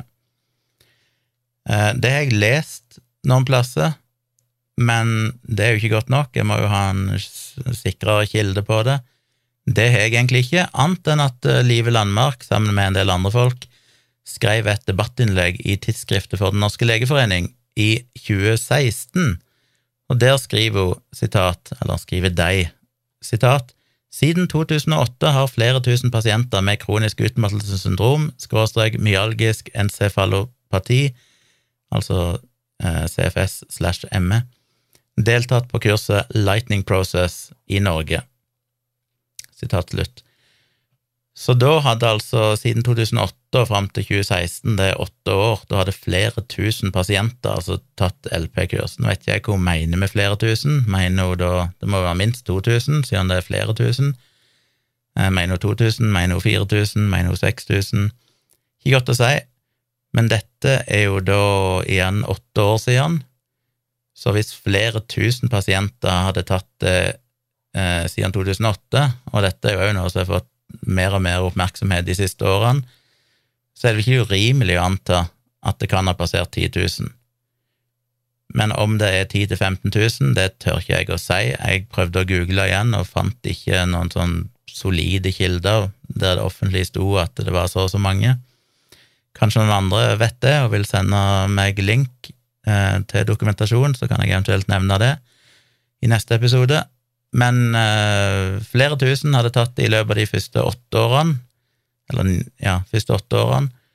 Så da må jeg vel anta at uh, hvis det vært like mange eller flere de åtte årene siden det ble skrevet, så er det vært mange flere tusen til, og da kan jeg vel anta at uh, uansett så er det veldig mange tusen som har tatt LP. Så om tallet er 10 000, eller om det er 7000, eller om det er 15 000, er jo igjen ikke relevant i det hele tatt for argumentet mitt. Argumentet mitt den gang var vel at denne her eh, Recovery Norway-sida, som har rundt en 40 historier, visstnok, med folk som sier at de har hatt ME og blitt eh, friske med Lightning Process, om det er 40 av 5000 personer, eller om det er 40 av 10 000 personer, er jo ikke spesielt viktig. Poenget er at det er en veldig mikroskopisk andel, og dermed vanskelig kan sies å være representativt, og egentlig ikke fortelle dere noen ting om eh, Lightning Process virker eller ikke. Og det, igjen for å gjenta, det vet jeg heller ikke er poenget med Recovery Norge. Det er ikke det at de mener at dette er vitenskapelig evidens. Det er jo bare ment for å gi folk håp om at det går an å bli frisk. Men, eh, men det blir gjerne brukt som en slags evidens av de som promoterer Lightning Process. De viser jo stadig vekk til Recovery Norge for å vise at se, disse historiene, dette er folk som sier det virker, samtidig som de totalt ignorerer da de mange flere historiene med folk som har mener at det ikke har virka, eller at de har blitt dårligere og veldig syke av det. Begge deler blir anekdotisk, ingen av de kan brukes som evidens for noen ting, men da er det jo viktig at du kan ikke iallfall vise til Recovery Norge på den ene sida, og så ignorere historiene på den andre sida. Det blir jo fundamentalt uredelig. Så det var punkt én og to. Så var det noen spørsmål, da. Spørsmål nummer tre var hvordan kan Tjomli tro at det er en sammenheng mellom antall historier og antall deltakere med utbytte? Og det sier jeg jo ikke. Altså, det er jo hun som stiller spørsmålet, insinuerer, er at jeg kritiserer Recovery Norge fordi det bare er en sånn pluss-minus 40 historier, og at det da er alle som har hatt nytte av Lightning Process, og siden det da er flere tusen, uvisst hvor mange, som har hatt ME, og som har prøvd Lightning Process, så er det en så forsvinnende liten andel at dermed så kan jeg ikke anta at Lightning Process virker. Det er jo ikke argumentet mitt. Selvfølgelig vet jeg at de 40 historiene ikke representerer alle som mener at Lightning Process har hjulpet dem. Poenget er at vi vet ikke hvor mange det er. Vi vet ikke om de 40 historiene er 90% av alle som har hatt suksess, om det er 10% av alle som har opplevd bedring, om de utgjør 1% av alle som mener at det hjelper de. Ergo blir jo det utvalget på de 40 historiene totalt ubrukelig. Og igjen, jeg har ikke sagt at Recovery Norge påstår at de historiene skal være vitenskapelig evidens for effekt. Jeg bare sier at det ofte blir brukt sånn, og at uh, at uh, i den konteksten så er det helt meningsløst. Så jeg hevder ikke at selvfølgelig er det en sammenheng mellom akkurat de 40 historiene, at det skal da representere alle som har fått utbytte av Lightning Process. Det har jeg aldri sagt, og tvert imot så har jeg vært ganske tydelig på at det ikke er det som har vært poenget mitt. Spørsmål fire. Hvordan kan man verifisere at ME-foreningens 6000 medlemmer faktisk har ME? Det aner jeg ikke, og jeg har aldri uttalt meg om ME-foreningen, jeg har ingen assosiasjon til ME-foreningen, jeg går ikke god for deres påstander, har verken positive eller negative eh, meninger om ME-foreningen, så jeg skjønner ikke helt spørsmålet. Eh, jeg antar at hun som stiller spørsmålet, prøver seg på en sånn gotcha med at hvis jeg kritiserer Recovery Norge for å bare ha 40 historier med folk som mener de er blitt bedre av Lightning Process, så går jeg da implisitt god for at de, fem, nei, de 6000 medlemmene i ME-foreningen faktisk har ME. Eh, av en eller annen grunn. Igjen, eh, det har jeg aldri påstått. Jeg har ingen formening om det. Det er helt irrelevant for argumentasjonen min. Så det spørsmålet er jo egentlig ikke noe jeg kan besvare. Spørsmål nummer fem. Hvordan kan Tjomli tro at fem professorer vil bli med på de spørreskjemaer som vil gi falske svar? De kjenner jo detaljert til kurset. Eh, bakgrunnen der er jo denne her nye Lightning Process-studien, der noen skal få Lightning Process-kurs, eller gå på det i tre dager, og så skal de svare på en del spørsmål. Og så var mitt poeng at eh, en del av inntakskriteriet for å delta i studien er jo at du er motivert og villig til å, å, bruke Lightning Process, og mye av Lightning Process er jo nettopp basert på det med at du skal, skal være aktivt positiv og og motivert for å endre dine egne tanker og være positiv, og noen vil kalle det fornekte din egen sykdom, eller fornekte dine symptomer. Det vil vel neppe Live Landmark og andre gå med på, det kan ikke jeg uttale meg om, men i sin opprinnelige versjon fra England, med Peter Parker, ikke han heter, som opprinnelig lagde Lightning Process, så er jo det en del av greia, da, at du til en viss grad Ja, det handler jo om å endre tankemønstre på mange måter. Så det er klart, når du er prima da, til å være positiv, tenke positivt, til å ikke la, ta symptomene dine innover deg og alt det der, så er det kanskje litt tvilsomt at det første du skal gjøre etter du har gått på disse tre dagene der det er blitt innprenta i deg som en del av, av veien til bedring, er at du da skal svare på spørsmål om dette, der du nok kanskje da vil være dårlig rusta til å svare objektivt, fordi at det vil jo stride imot det du har lært på de tre dagene på kurset. Så spørsmålet her er hvordan jeg kan tro at fem professorer som da er involvert i denne studien, ville ha akseptert dette hvis de ikke trodde at de svarene ville være korrekte. Eh, Eh, jeg kan vel egentlig ta det spørsmålet i sammenheng med spørsmål nummer sju der hun spør tror Tjomli virkelig at innholdet i Lightning Process er sammenlignbart med homopati eh, slash krano, da mener vel kraniosakralterapi, eller hva dette som jeg vel nevnte sist, og at fem professorer ville satt navnet sitt på en slik studie. Så det overordna poenget hennes er liksom at hvordan kan jeg tro at fem professorer ville vært med på studien hvis dette ikke virkelig var legitimt? Svaret mitt på det er jo at uh, det aller meste av forskning som blir gjort, har jo store metodologiske svakheter og feil. Dette er jo noe jeg skriver om i boken min Håndbok i uh, krisemaksimering, det holder jeg foredrag om. Uh, vi vet det at de fleste studier som blir gjort, ender opp med falske positive og sånn, fordi at uh, studiene ikke er godt nok designa.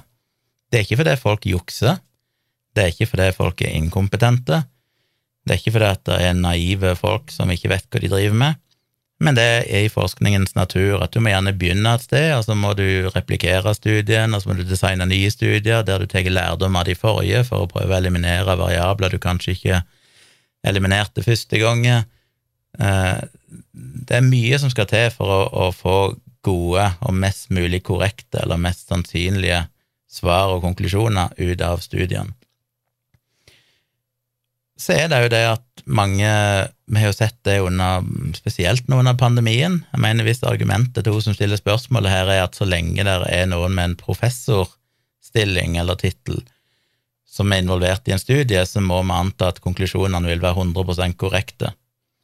Det vet vi jo ikke stemmer. Se på alle de falske covid-studiene som har kommet, falske Ivermectin-studiene som både er falsifiserte, eller er designa så dårlig at de er helt totalt verdiløse. Hvor mange folk med ekstremt høy akademiske kredensialer som har gått ut med rene løgner og bullshit om vaksiner, for eksempel. Jeg mener, det å ha en tittel betyr på ingen selvs måte at du er feilfri, eller at du engang er spesielt god i kritisk tenking. Og Det er jo noe av det vi virkelig har lært under pandemien, og hvis en følger litt med på forskning og i vitenskapens verden, så ser en jo det at det å ha en høy akademisk eh, utdannelse eller grad, eller en professortittel, er ikke noen garanti for at du dermed verken er eksepsjonelt kunnskapsrik eller kan noen ting om kritisk tenking. Og det er litt trist, fordi jeg tror mange har en idé det, er dessverre, om at jo høyere utdanna du er, jo mer fancy tittel du har, jo mer vet du om verden. Sannheten er jo gjerne det motsatte. Altså, jo lenger du har forska eller jobba med en eller annen, eh, studert et eller annet, jo snevrere syn på ting har du. Fordi at uh, dette er jo en sånn omvendt pyramide, der du starter på barneskolen og grunnskolen med veldig bredt du lærer alt om alt, eller du lærer litt om alt. Du går på videregående, spesialiserer deg kanskje litt, så du lærer litt mer om litt mindre. Og så går du på en høyere utdanning, og da spesialiserer du deg enda mer, og lærer enda mer om enda litt mindre.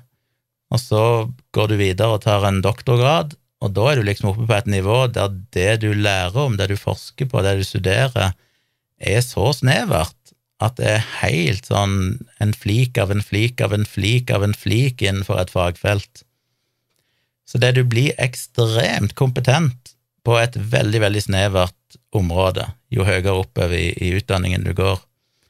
Eh, selvfølgelig litt satt på spissen, det er jo folk som kan være flinke på mange ting, og folk som engasjerer seg i mye og er smarte og alt det der, det er ikke det jeg sier, men generelt sett så man husker på at det å ha høy utdanning ikke betyr at du lærer mer og mer om mer og mer, du lærer mer og mer om mindre og mindre jo mer du utdanner deg.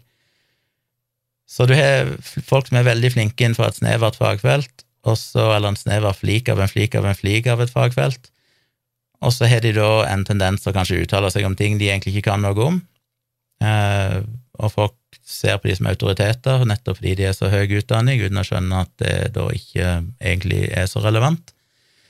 Men i tillegg til det så er jo ikke kritisk tenking noe som kommer gjennom utdanningen automatisk. Det er noe du må lære på sida av det. Du kan ha folk som har gått 16 år på skole, og altså 16 år med høyere utdanning, og fortsatt er naive så det holder når det gjelder å la seg lure av alt mulig slags bullshit. Fordi ja, de har lært mye om et eller annet fagfelt, men de har ikke nødvendigvis lært å tenke kritisk om alt det som er rundt. Ta for eksempel en vaksineforsker, du kan være superkompetent og forstå alle detaljer rundt dette med, med hvordan vaksiner virker, men hvis du ikke har deltatt eller har noen kjennskap til vaksinedebatten, så kan du fortsatt la deg lure av mange påstander. Jeg har sjøl sett folk som er høyt kompetente, som la seg, og det har vi jo alle nå under pandemien, folk som er definitivt ekstremt høyt kompetente, som lar seg lure av, av påstander rundt vaksiner som er veldig lette å vise at ikke stemmer. Så nå sier ikke jeg at disse fem professorene som er involvert i den Lightning Process-studien, er inkompetente eller dumme eller mangler evner til kritisk tenking i det hele tatt. Jeg bare sier det at det å anta at en tittel eller en akademisk grad nødvendigvis betyr at du ikke kan gjøre noe galt når det gjelder forskning, er utrolig naivt. I så fall hadde forskning vært veldig mye lettere, og vi ville hatt mye mer eh, Forskning ville ha skjedd mye fortere fordi hvis bare kompetente folk designer en studie, og det kunne vi stole på var det endelige svaret, så hadde jo ting vært veldig lett. Men det vet vi ikke stemmer, og dyktige, kompetente folk med de beste intensjoner vil fortsatt slite med å designe studier som egentlig besvarer noen ting som helst alene. Det er derfor vi sjelden kan se på enkeltstudier og konkludere med noen ting som helst ut ifra det. Og så er det jo noe med, med idealisme og kanskje en grad av naivitet og kanskje òg at de professorene som er involvert i studien, er veldig klar over at denne studien kommer ikke til å gi noen endelige svar. Dette er kanskje starten på noe som er verdt å forske videre på.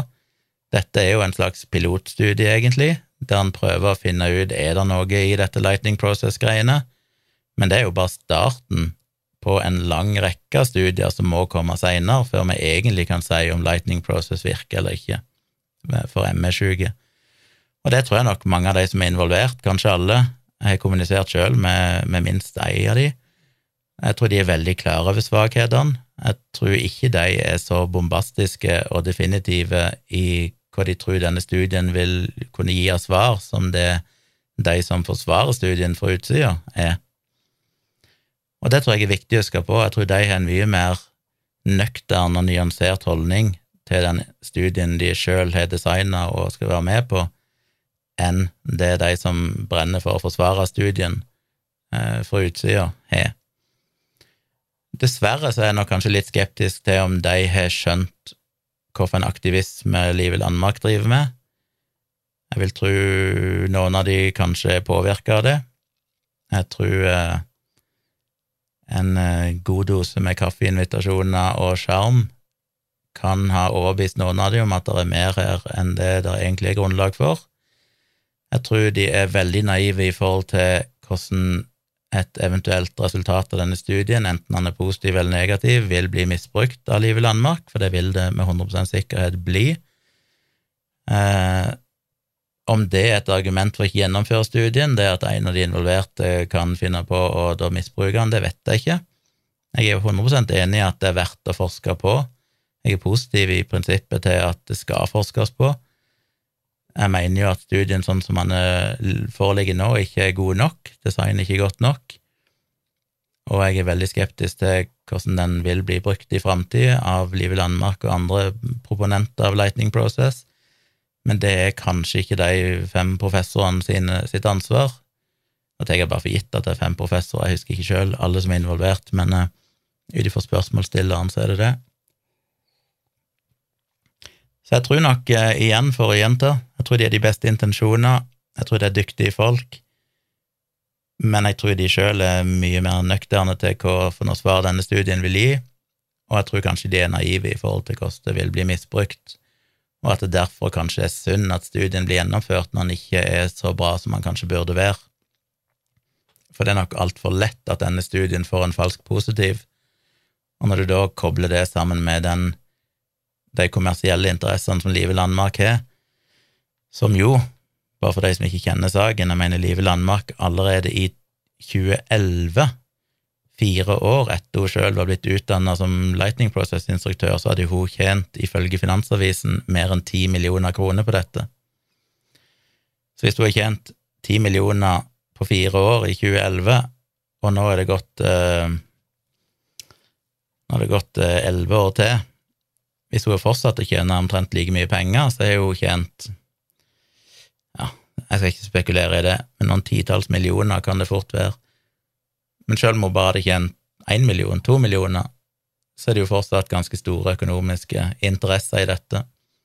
Så det er klart at det er jo en Altså, det er greit nok at eh, kravet til den nye studien nå for at han skulle bli godkjent, var jo at det måtte stå veldig tydelig at hun var involvert i studien og, hadde, og var på en måte inhabil, eller hadde sine egne interesser i dette. Men det vil jo ikke hindre hun og alle Lightning Process-proponenter i å da bruke de resultatene som de vil. Og igjen, som jeg sa sist, om det så er et negativt resultat, så er jeg helt sikker på at de klarer å skvise en eller annen tolkning eller subgruppe eller et eller annet ut av det som de klarer å vinkle til positivt. Jeg kan jo ikke tenke meg at det finnes et eneste scenario der denne studien endte opp med et negativt resultat, og at Liv Landmark da sa ok, da avvikler jeg Lightning Process-kursene mine heretter, for nå ser vi at dette faktisk ikke virker. Altså, det er jo like usannsynlig som at en akupunktør skulle slutte med akupunktur fordi det, de måtte anerkjenne at det var gjennomført 3000 studier, eller mer enn 3000 studier, som ikke klarer å finne noen effekt av akupunktur. Det stopper jo ikke en akupunktør. Det at det er absolutt null faglig uenighet om at homopati ikke virker eller kan virke, har jo aldri stoppa homopater for å drive på. Så, så ja. Jeg eh, Jeg ser jo ingen annen utvei enn at uansett utfallet av denne studien, så vil det være i Live Landmark sin favør. Og det er jo derfor en burde kanskje være enda strengere med hvordan designet var, for å være så sikker en kan på at det ikke åpner for en falsk positiv mer enn det som er, burde være mulig. Eh, det var spørsmål fem og, sju, og i sjuen så spurte du òg om jeg virkelig trodde at Lightning Process var sammenlignbart med homeopati osv. Nei, det mener jeg ikke. Eh, jeg nevnte jo det i forrige episode, dette med at vi kunne like å tatt en sånn Recovery Norway for folk som sier at vi har blitt friske av homøopati. Det ville vært like dårlig bevis eller like, dårlig, like lite relevant for om homopati burde anbefales, som det den Recovery Norway-sida er for Lightning Process.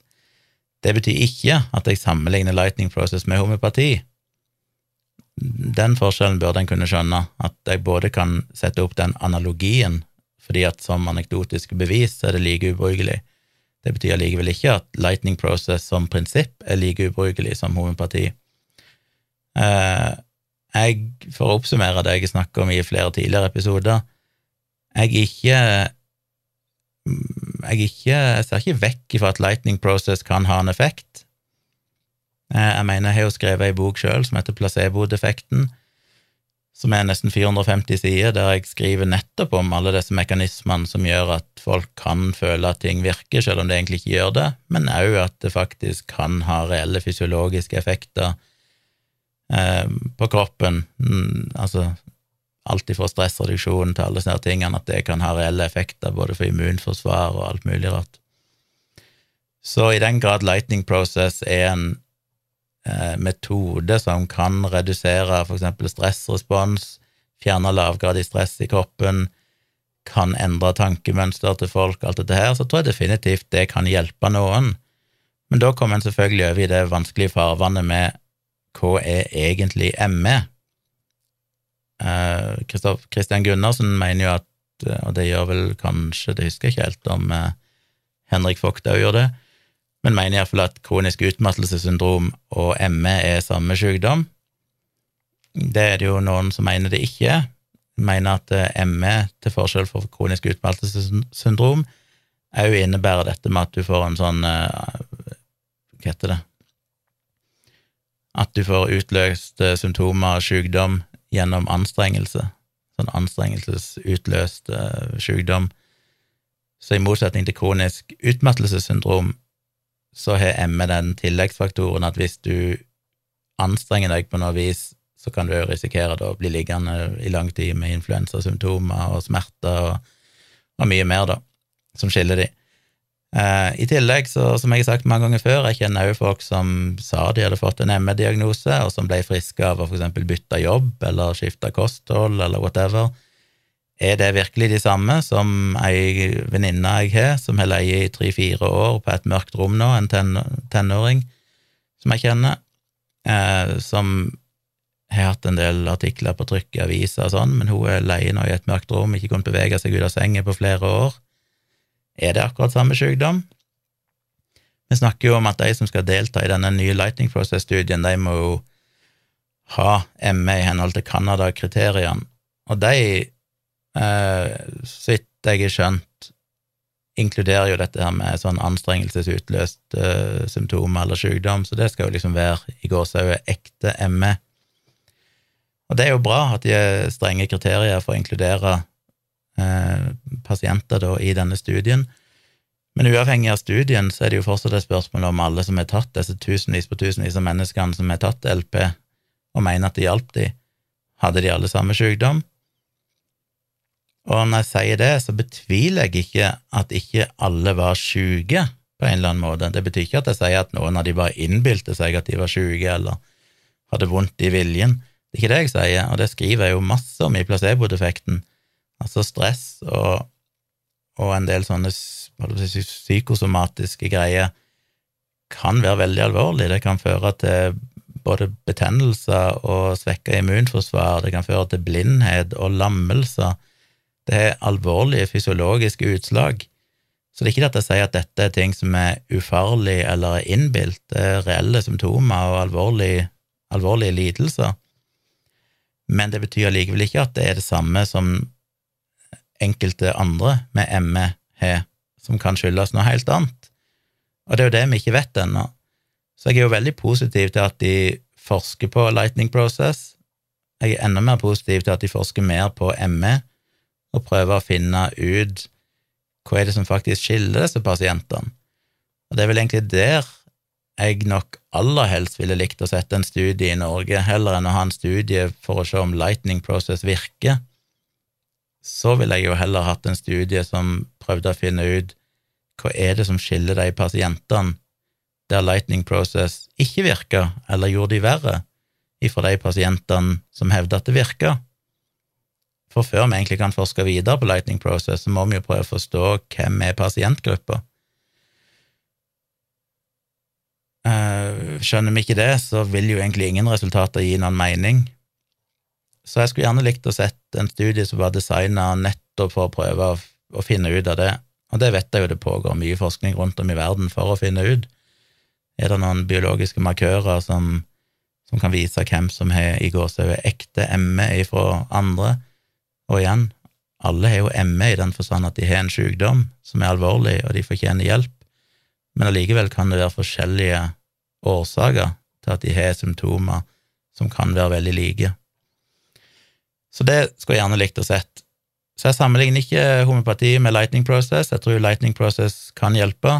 Jeg er helt, jeg mener igjen, i placebo-defekten skriver jeg mye om det, hvordan det er jo grunnen til at mye av alternativ medisin oppleves å hjelpe mange, fordi at det de egentlig går med, er gjerne ting som er knytta nettopp til eh, psykosomatikk, det er liksom stress, det er sånne ting, der jeg kaller alternativ behandling for et lavterskel psykologtilbud for mange. Og det tror jeg definitivt kan hjelpe. Jeg tror samtale, ro, håp, det å bli hørt, alt dette her kan hjelpe, og kan ha store effekter på forskjellige symptomer uten at den alternative behandlingen i seg sjøl har noen effekt. Som jeg har sagt mange ganger, at uh, selv om homeopati ikke virker, så kan det fortsatt virke å gå til en homopat.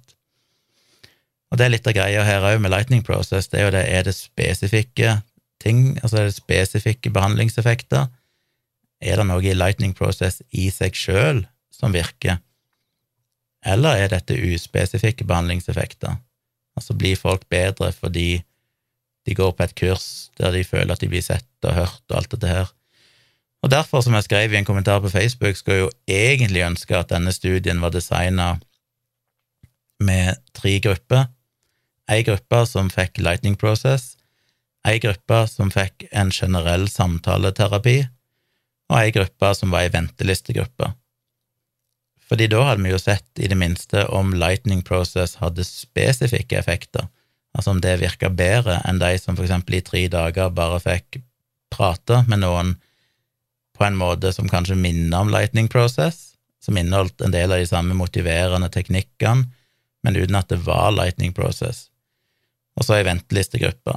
For da hadde du fått mye mer informasjon. I tillegg så burde jo det da eh, vært gjennomført så blinda som mulig, i den grad det er mulig, hvis folk ikke kjenner Lightning Process før de går inn i kurset, så burde det egentlig være mulig å blinde det.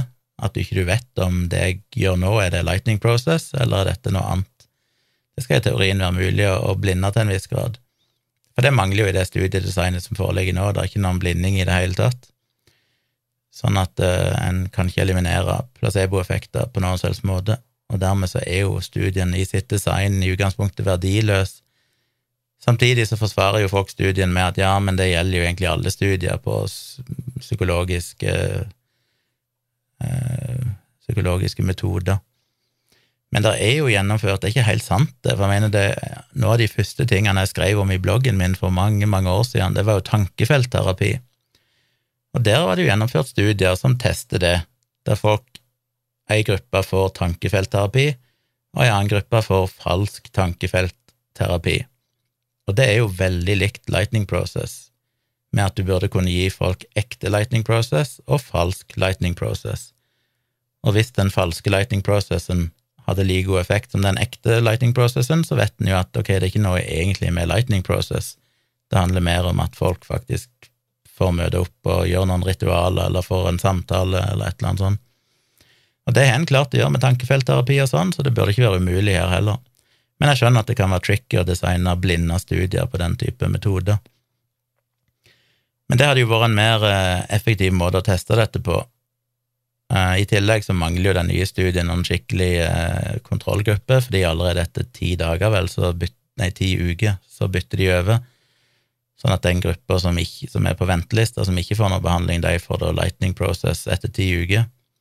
Så du har egentlig bare ti uker med reell kontrollgruppe, og etter det så er det ikke noen kontrollgruppe lenger.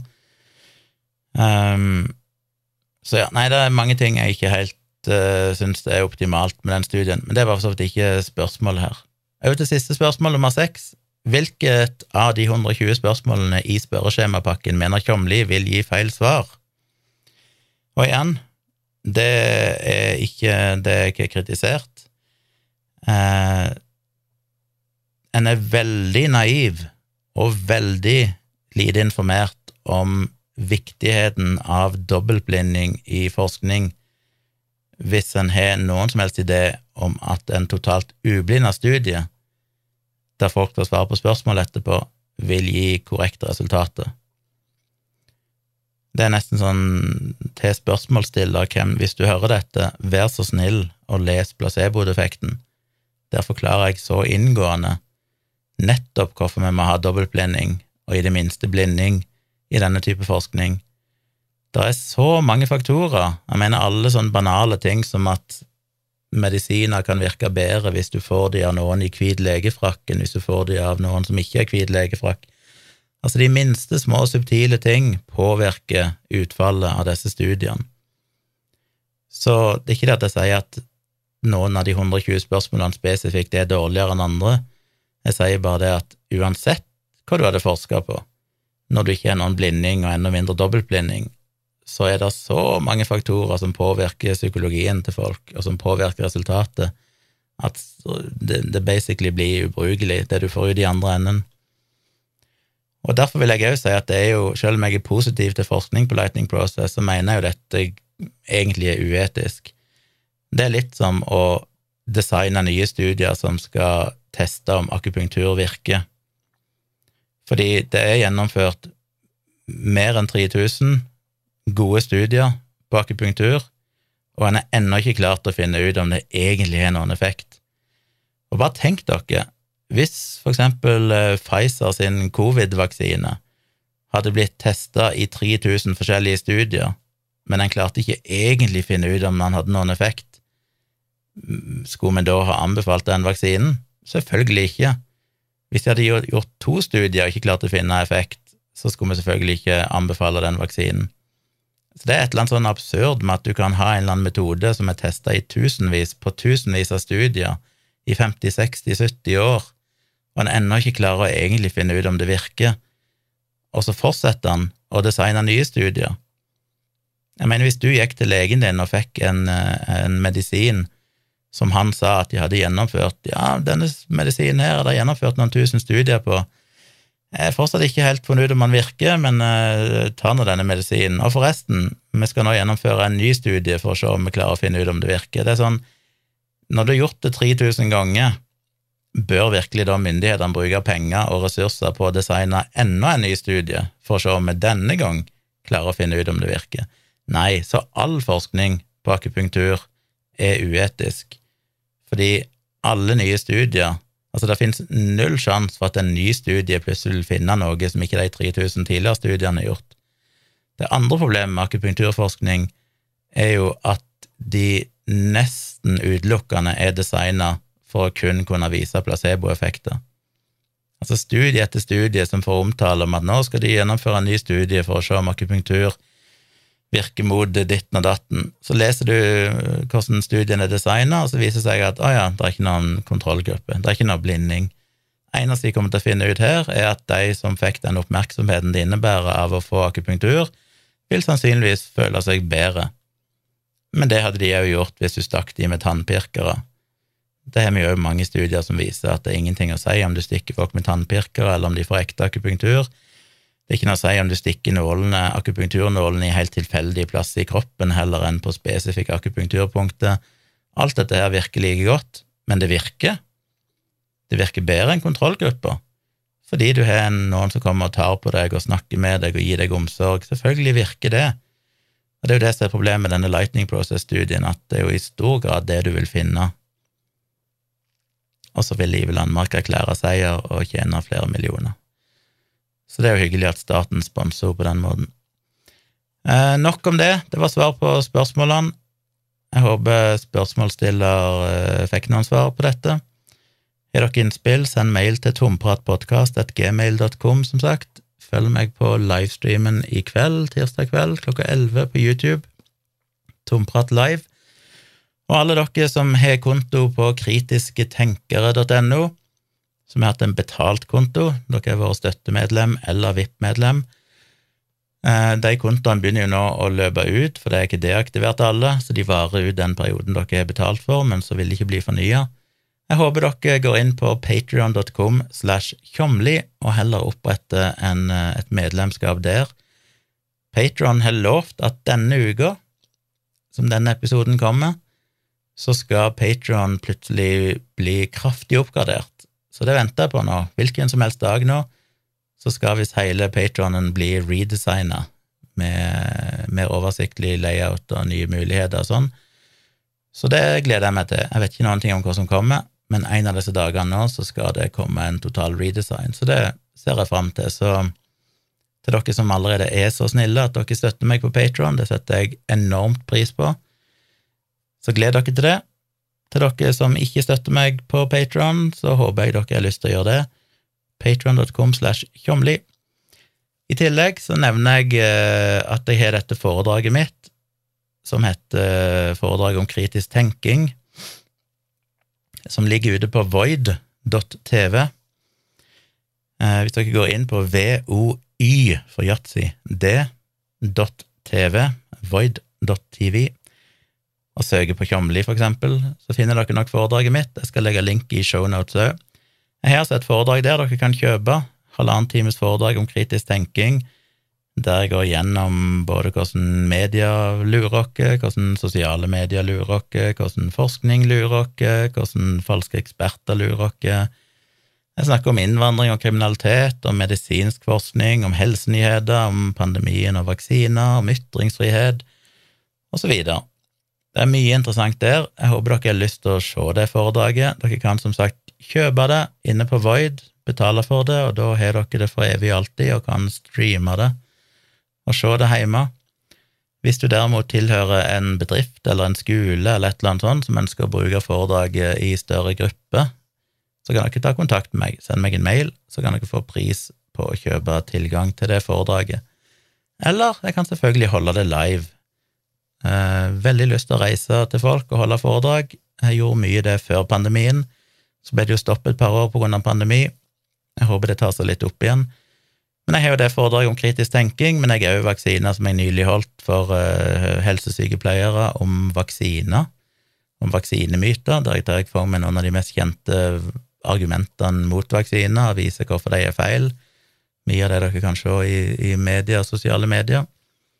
Jeg har jo andre foredrag som eh, jeg kan tilby, så om placeboeffekt og alt mulig sånn, så ta gjerne kontakt hvis dere vil ha foredrag, og jeg kan gjennomføre foredrag. Jeg gjør det jo helst live foran publikum, men hvis det er vanskelig, så kan jeg òg gjøre det via nettet, som jeg har gjort før. Jeg har jo profesjonelt eh, streamingutstyr hjemme, så jeg kan gjøre det på en profesjonell måte, sånn at dere kan se det på en skjerm der dere måtte sitte.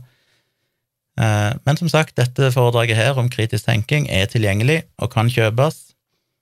Så gå inn på void.tv, søk opp Tjomli, og så blir jeg veldig glad om dere vil kjøpe foredraget, det støtter meg jo i arbeidet jeg gjør.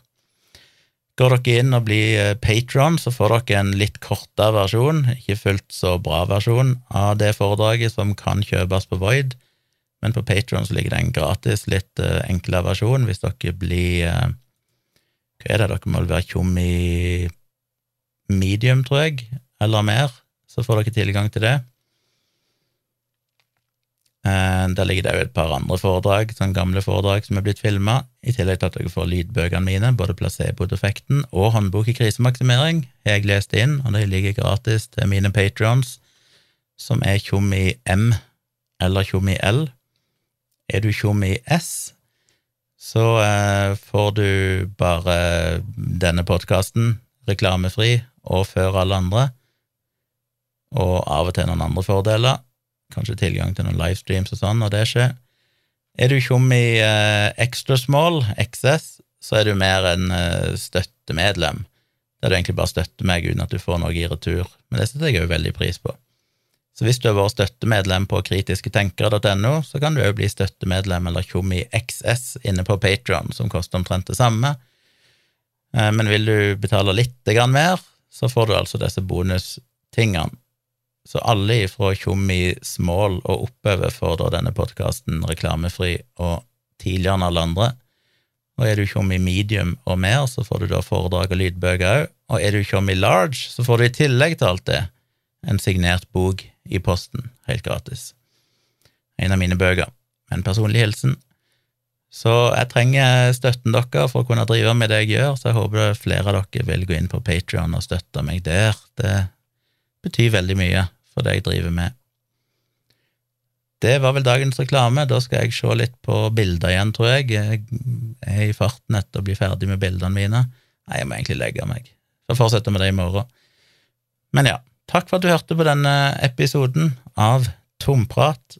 Gå gjerne inn på Apple Podkast og gi meg stjerne, eller på Spotify, gi meg fem stjerner. Det betyr jo mye. og tips andre om podkasten hvis du syns det var interessant. Og så er jeg tilbake igjen allerede på fredag med en ny episode, så fortsett å sende inn spørsmål og tips på mailen min, det trenger jeg. Jeg trenger ideer til hva jeg skal snakke om. Ja, nok om alt dette. Jeg runder av. Takk for meg. Vi høres igjen enten på livestream i kveld eller i neste episode på fredag.